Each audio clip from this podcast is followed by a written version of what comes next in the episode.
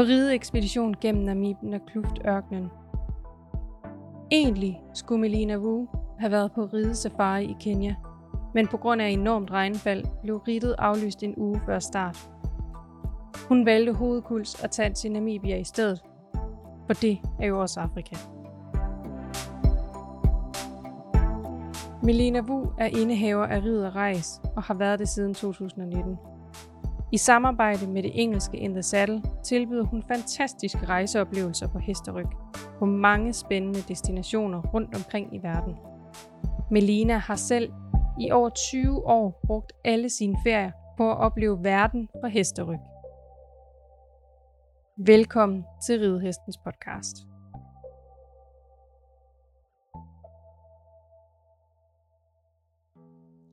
Rejse på hesteryg. På flyrejsen har jeg ved gennemlæsning af programmet erfaret, at denne tur er kendt for at være et af verdens mest udfordrende ridt. En rideekspedition gennem Namibørkenen, fra højlandet i Namibia, gennem verdens ældste ørken til Atlanterhavet. Et ridt på godt 400 km, som skal tilbagelægges på i alt 9 dage og med et par dage til forberedelse. Nu sidder jeg på den sidste flystrækning mod Namibias hovedstad, Windhoek, og er vanvittigt spændt og nervøs. Hvad har jeg nu rodet mig ud i? De sidste minutter før landing ser jeg gennem vinduet et kuperet landskab i forskellige brunlige nuancer. Det virker utrolig goldt. Ingen bebyggelse. Ingen marker. Faktisk slet intet grønt. Flyet lander midt i det øde landskab, og da jeg stiger ud af flyet, blev jeg ramt af den bagende varme. Jeg går mod den lille terminalbygning, hvor der mod min forventning til en lufthavn er helt stille. Hvor er Windhoek? Lige meget hvilken vej jeg kigger, er der kun det øde, kuperede landskab at se.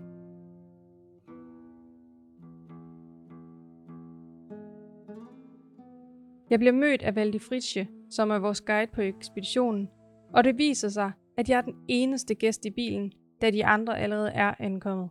Vi kører de 65 km til farmen, hvorfra ekspeditionen starter, og det er halvanden times køretur på grusveje. Efter vi har passeret hovedstaden Windhoek, fortsætter landskabet med at være kuperet og goldt. Igen er der ingen bebyggelse. Dog ser jeg en gang imellem skilte, der indikerer, at der må ligge en farm gemt et sted i de golde landskaber. Vi har heller ikke mødt en eneste anden bil. Valdi er rigtig imødekommende. Hun fortæller vidt og bredt om landet, hestene og rittet, men faktisk er lidt i kulturschok og hører ikke helt efter. Ved et stort farmskilt drejer Valdi af hovedvejen, og vi kører ind på noget, der minder om en markvej. Den snor og drejer sig op og ned, udenom store huller og over kampesten, og det giver pludselig god mening, at vi kører i firehjulstrækker. Undervejs skal jeg ud seks gange for at åbne låger, og vi krydser en udtørret flod på turen. Valdi kører i god fart, og vi ankommer godt gennemrystet til farmen, som består af et hovedhus samt en lade.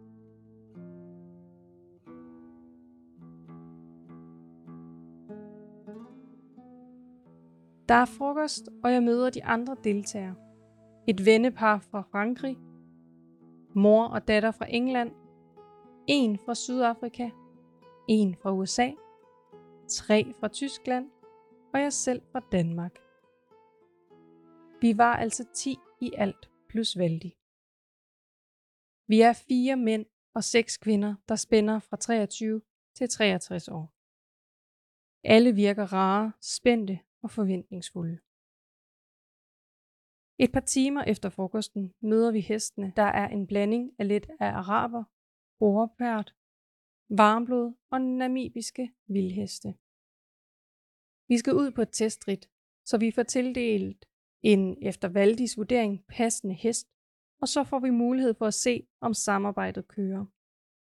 Jeg har fået tildelt en mindre, hvid lipisaner valak musette, som er rigtig sød, fornuftig og arbejdsvillig. Ingen byttet hest, så Valdi må have god erfaring i at sammensætte hest og rytter. Efter et par timers rit, hvor jeg lige får fornemmelsen for hesten, terrænet og at sæde i McLellan-sæden, som oprindeligt er udviklet til det amerikanske militær, så er vi tilbage på farmen og kan slappe lidt af, inden det går ud over ørkenstepperne i morgen. Om aftenen er der briefing omkring turen, og vi får gode råd om pakning af vores sadeltasker, samt om at arrangere vores seng. Vi har nemlig alle fået udleveret en feltseng, en canvas sovepose, lammeskin, en håndvævet måtte, dyne og hovedpude. Dertil har vi også vores egen medbragte sovepose. Det kan åbenbart blive temmelig koldt i ørkenen om natten. Selvom jeg er meget træt, har jeg svært ved at falde i søvn om aftenen. Det hele kører rundt. Alle de nye og anderledes indtryk, samt at jeg er super spændt og også nervøs for den forestående rideekspedition. Min værelseskammerat har det lige sådan. Så vi snakker til ret sent. Dag nummer 1 Efter morgenmaden er der afgang, og der er kaos. Først skal alle have deres bagage afleveret til backup-trucken, vandflaskerne skal fyldes, frokostmadpakken smøres, sadeltaskerne pakkes, og hestene striles og sadles op. Alle nærmest småløber forvirret rundt. Har jeg nu husket, hvordan gør man og så videre. Valdi og alle fem medhjælpere er fuldt beskæftiget, fordi vi simpelthen står i kø for at få hjælp. Sadlerne har to gjorde og ingen metalspænder, så alt skal spændes med butterfly-knuder. Det lærte vi i går, men har allerede glemt det igen. Sikkert fordi vi er så spændte på den forestående ekspedition. Det er op af formiddagen, før vi endelig kommer afsted. Valdi fører an, og vi rider over det kuperede, golde landskab og gennem utallige lover, så vi skiftes til at sidde af og være lågeåbner og lukker. Vi har fire løse ekstra heste med, og tempoet er højt, så snart der er mulighed, går det rask frem i trav eller galop, og det er ofte. Vi holder en forholdsvis kort frokostpause. Nu kom vi jo også noget sent afsted. Hestene får vand ved farmenes vandtanke, der dukker op undervejs. Jeg får også fyldt mine vandflasker et par gange. Det er varmt, og med det høje tempo når jeg op at drikke næsten 4 liter vand i løbet af dagen. Ved 17-tiden når vi natlejren, hvor backup-trucken står klar med foder og vand til hestene, samt alt vores bagage. Vi sadler hestene af, tøjer dem på de reb, som er spændt ud mellem bilerne, hjælper med at fodre dem og gør vores senge klar. Alle vælger at sove under åben himmel, så der bliver ikke sat telte op. Imens er bålet blevet tændt, og aftensmaden er så småt ved at være klar. Jeg er også hundesulten. Jeg er overrasket over, at jeg stort set ikke kan mærke, at jeg har siddet i sadlen hele dagen. Det må skyldes sædet i disse McClellan-sadler, og måske den nye ridestil, jeg allerede har tillagt mig. Når vi både traver og galopperer, så står jeg nemlig op i sadlen. Numsen og ryggen skal spares på de nærmest utallige og lange tempofyldte stræk. Efter et godt aftenmåltid sidder vi lidt ved bålet og nyder en sundowner, mens vi snakker om dagens oplevelser. Alle er opløftet og lettet over at have klaret den første dag. Det var jo slet ikke så slemt.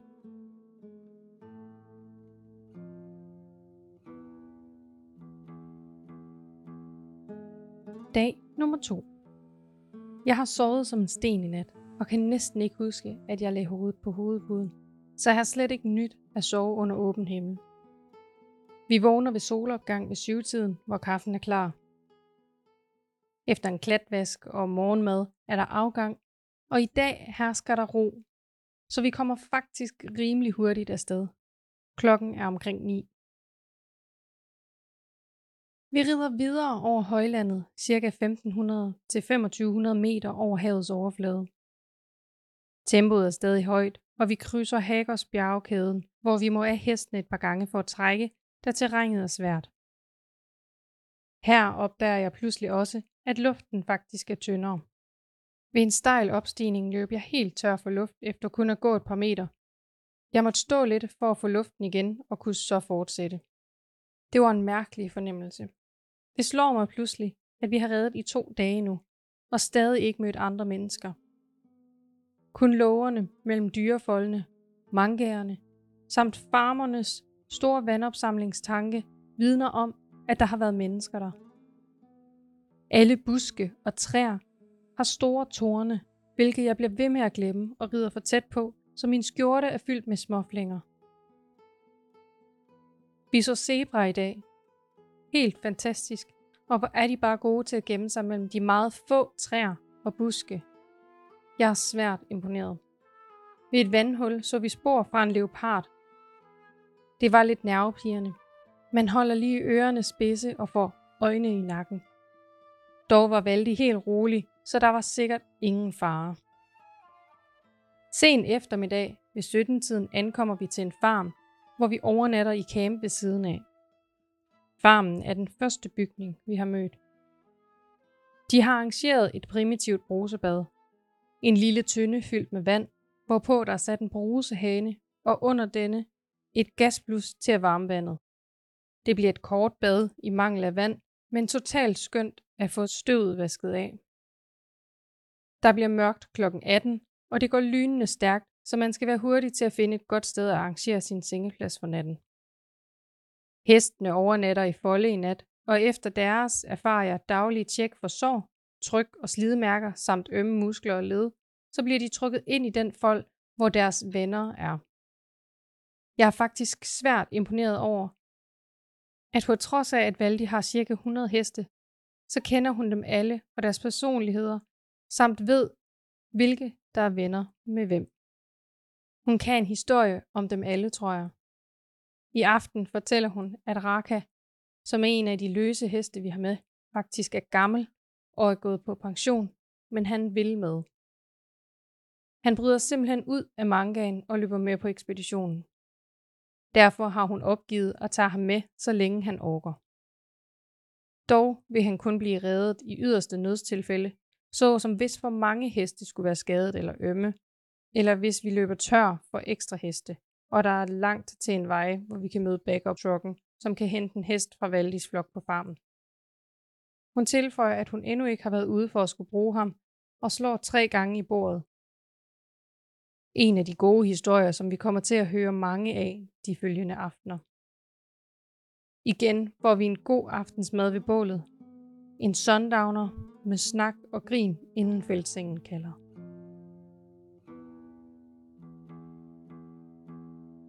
Dag nummer 3. I nat fik jeg nyt at sove ude. Hold det op en stjernehimmel. Jeg har aldrig oplevet så mange stjerner. Og jeg så sydkorset og skorpionen og utallige stjerneskud. Jeg opgav hele ønske, for jeg løb simpelthen tør for ønsker. Efter morgenmaden gik vi på opdagelse i en nedlagt mine. Det var meget spændende og nogle gange lidt trangt. Væggene og loftet glimtede ind imellem, når solen kunne krybe ind og lyse på mineralerne. Jeg fik også fyldt lommerne med alle mulige flotte sten, som jeg fandt. Efter frokost rider vi afsted igen. Vi skal kun ride 20 km, så det er en kort tur. Vi rider faktisk ud af højlandet og ind i ørkenen i dag. Sådan helt bogstaveligt. Det går op og ned, dog mest nedad, og pludselig åbner ørkenen med sit røde sand op foran os. Vi tog en mega spurt ud i det åbne landskab, og Valdi blev helt kåd og skulle lege akrobatikridning og faldt af hesten. Hendes hest løb hjem til natlejren, som lå cirka 500 meter fremme. For det gad den simpelthen ikke være med til. Jeg måtte samle hende storgrinende op og give hende et lift de sidste meter til lejren. Alle hestene fik taget skoene af, da bunden nu er blød, og det er noget af et arbejde. De blev derefter sluppet løs, så de kunne gå og spise lidt af de gule græsstoffer, der kom op imellem sandet. Efter et par timer kom de tilbage og kunne tøje os til ræbene mellem bilerne. Det er egentlig smart tænkt, for skulle hestene blive urolige eller skræmt, så vil de automatisk trække i ræbet, hvilket vil bevæge bilerne og dermed væk Valdi, som sover på taget af den ene bil. Aftensmaden i dag var helt fantastisk. Kudubøffer med søde kartofler. Det var lige mig, så jeg spiste lidt for meget og gik i seng med øm mave.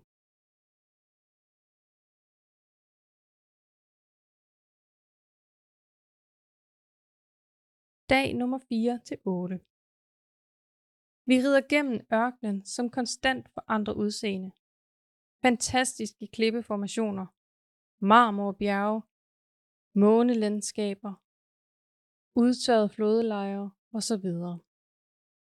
Sandet skifter farve fra rødt, gult og nogle gange, jeg ved godt det lyder mærkeligt, tyrkisgrønt og blåt. Vi har set springbukke, giraffer, kuduer, gemsbukke, revet igennem struseflokke og set en enkelt chakal, som faktisk var ret sød. Der er overraskende mange forskellige og farvestrålende fugle. Vi har set skorpioner og fundet en enkelt slange. Jeg skal lige tilføje, at jeg er totalt krybdyrskræk, men under hele rittet var jeg helt rolig og fik ikke nogen pludselige overraskelser. Krybdyrene gemmer sig og skal findes, så jeg vil aldrig have set dem, hvis ikke det var for de kyndige guider, som ved, hvor man skal lede. Et af højdepunkterne var de fantastiske forhistoriske planter. Ørkenblade, med de karakteristiske røde biller, der bor på dem.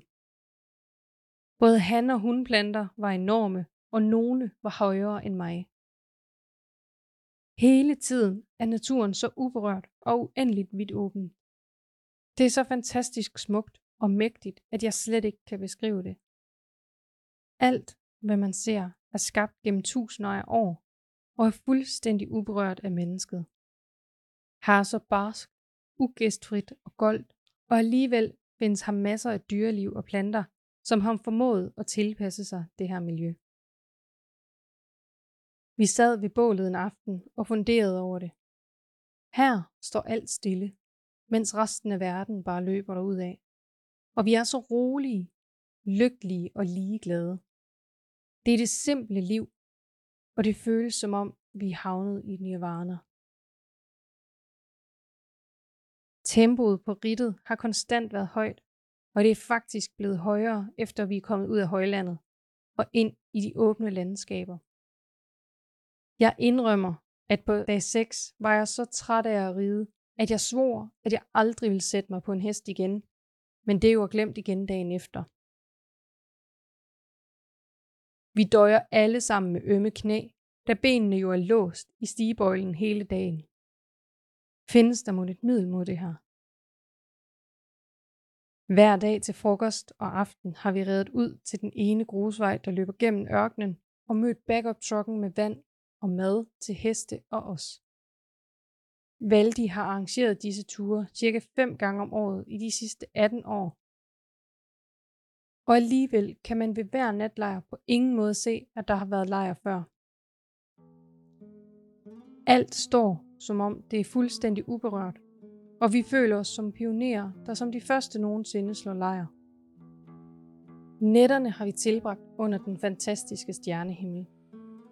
Vi nåede også at se en fuldmåne, og blev overrasket over, at den lyste så meget, at vi kastede skygger. Det var en stor oplevelse.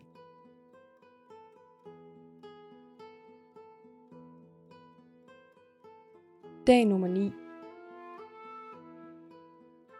Vi har overnattet i en oase, som taget lige ud af en film med palmer og så videre. Vi rider nu vores sidste ekspeditionsdag og skal nå Atlanterhavet og civilisationen i feriebyen Swakopmund i eftermiddag. Jeg er slet ikke glad, men faktisk næsten grædefærdig, for jeg har ikke lyst til at skulle tilbage til civilisationen igen. Vi begynder for alvor at mærke fugten i luften, og pludselig skifter sandet udseende til mørkegult og bliver løst og blåt. Vi er fremme ved Atlanterhavet, hvor backup-trucken med holdet står klar med champagne. Askari, en af araberhestene, bliver helt kåd og fyrer en mindre serie glade spukkespring af. Jeg ved ikke, om det skyldes den friske vind og bølgernes brusen, men hvor fik han dog den energi fra? På trods af, at vi alle er godt udmattet, holder hans rytter sig i sadlen. Først med et brøl, så grinende og meget rød i hovedet.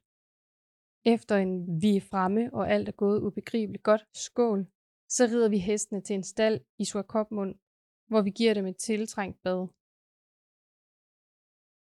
I overmorgen bliver de kørt hjem i den nu tomme backup truck. Vi bliver indlogeret i et stort hus. Det er nu dejligt med et ordentligt bad, så jeg står længe under bruseren og nyder, at der er masser af vand. Vi spiser en god middag, siddende ved et bord og med rigtige tallerkener. Helt mærkeligt, at det nu er slut med bliktallerkener i skødet.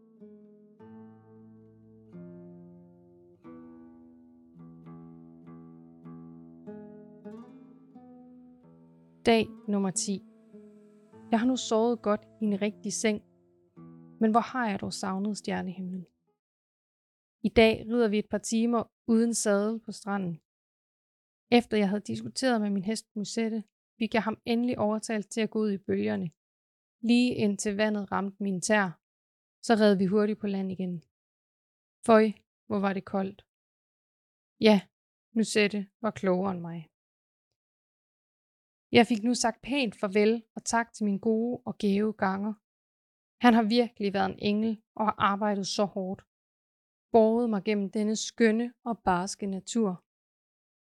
Det er jo helt ufatteligt, hvad de heste gør for os mennesker. Nu skal han hjem og slappe lidt af med sine venner på markerne i en tre måneders tid. Den næste rideekspedition vil blive med et andet hold heste, får jeg fortalt. Vi spiser afskedsmiddag på en restaurant om aftenen, for snakket og grinet over alle de fantastiske og sjove oplevelser, vi har haft.